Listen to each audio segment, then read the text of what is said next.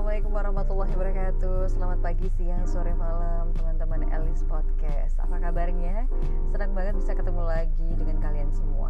Tapi tetap ya masih dalam kondisi di mana pandemi covid itu masih um, Kalau dibilang sudah surut Insya Allah mudah-mudahan Karena kita harus optimis ya. Hidup itu harus optimis. Oke lah, kali ini pengen ngobrolin tentang LDR Nah, long distance relationships. Saya pernah uh, merasakan ini LDRan dengan calon suami saat itu. Mungkin teman-teman juga udah ngerasain, aduh, gue juga udah pernah nih kayak gini nih. Tapi kayaknya gue putus tengah jalan. Nah, banyak ternyata teman-teman yang merasakan kalau LDRan itu nggak banget. Kenapa? Karena kita nggak tahu kondisi um, calon kita itu atau nggak pasangan kita itu kondisinya. Apakah dia berbohong ataukah dia jujur? Intinya sebetulnya adalah trust alias kepercayaan. Benar gak sih? Nah itu juga yang saya alami. Uh, dulu sih saya berpikir akan menikah muda 20 tahun enak kali ya nikah. Nanti anaknya bakal uh, jadi temen nih kalau udah besar gitu ya. Itu perspektif saya. Tapi ketika saya melewati umur 20 tahun kok kayaknya masih muda banget ya? Ah nggak deh ntar aja. Umur 25 tahun. Ternyata berjalan waktu 25 tahun um, ya saya berkenalan sama se seseorang pemuda yang berkuliah di Jawa kebetulan berkuliah di Jogja. Tapi rumahnya itu uh, di daerah uh, sekitaran Medan ke pokoknya di daerah Sumatera. Jadi nggak terlalu jauh lah dari tempat tinggal saya. Nah singkat cerita teman-teman. Singkat cerita ini karena udah cerita ya. Singkat cerita sih um, intinya ketika dia mau balik lagi ke Jogja untuk berkuliah bagaimana hubungan kelanjutan kita? Saya hanya mengatakan uh, oke okay, silahkan. Kalau seandainya ingin jalan ayo kita jalan gitu ya. Uh, berjalan waktu alhamdulillah konten uh, apa ya intens gitu ya. Walaupun tidak setiap hari telepon teleponan gitu ya memberikan kabar atau segala macam tapi tetap uh, saya memberikan trust pada pasangan saya ini. Yang saya berpikir kalau saya long distance relationships atau LDRan ibaratnya saya taruhan nih gitu ya kan. Menjauhkan yang namanya dosa zina. Benar gak sih? Ya saya kepikirannya sih kayak gitu. Nah akhirnya setelah beberapa uh, bulan dia balik lagi gitu ya kan. Ya kita intens jadi uh, dia juga kenal sama keluarga saya ibu saya. Karena saya hanya ibu saya tinggal orang tua saya tinggal sendiri tinggal ibu doang gitu ya. Dan ya udah kenal dekat sama keluarga gitu ya. Uh, entah kenapa saya juga nggak ngerti tiba-tiba mengolah ibaratnya gitu.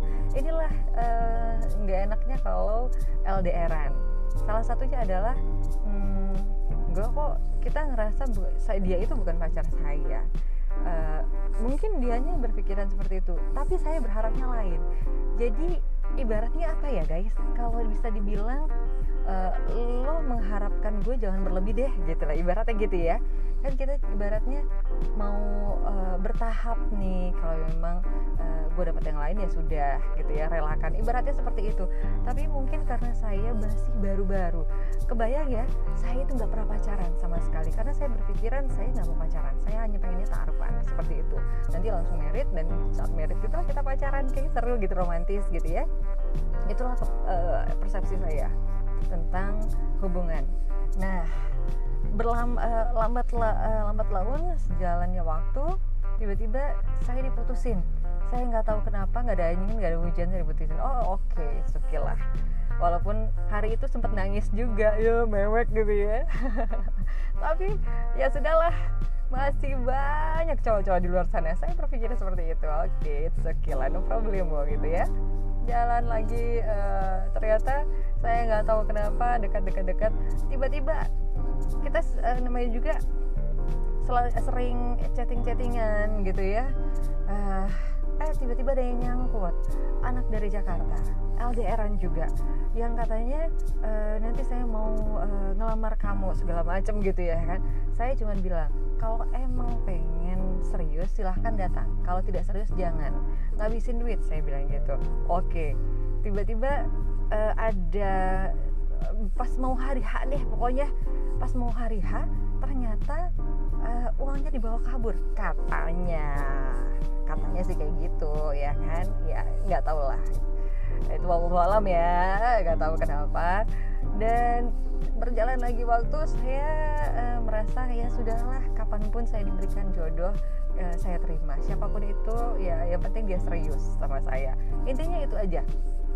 Saya nggak mau pacaran. Sampai orang kantor aja pikiran uh, menjodohkan saya sama um, alumni kantor itu lucu sih sebetulnya ya ampun. Saking saya nggak pernah bawa pacar gitu loh ke kantor. Mereka nggak pernah ngelihat saya bawa cowok gitu ya ke kantor. Karena ya si Eli ini emang bener-bener yang kayaknya cuek-cuek aja gitu masalah hubungan-hubungannya kayak gitu. Tapi ternyata chattingan lagi saya kenalan lagi sama cowok gitu. Dan itu ada di Jakarta pula lagi-lagi jauh gitu ya. Ini dia. Aduh lagi-lagi ya sudahlah. Kita jalanin jalanin gitu ya. Hmm, telepon teleponan tidak tiap hari nggak tiap hari tapi ya jelas uh, ya telepon teleponan sampai sampai ngerasa oh nih cowok serius.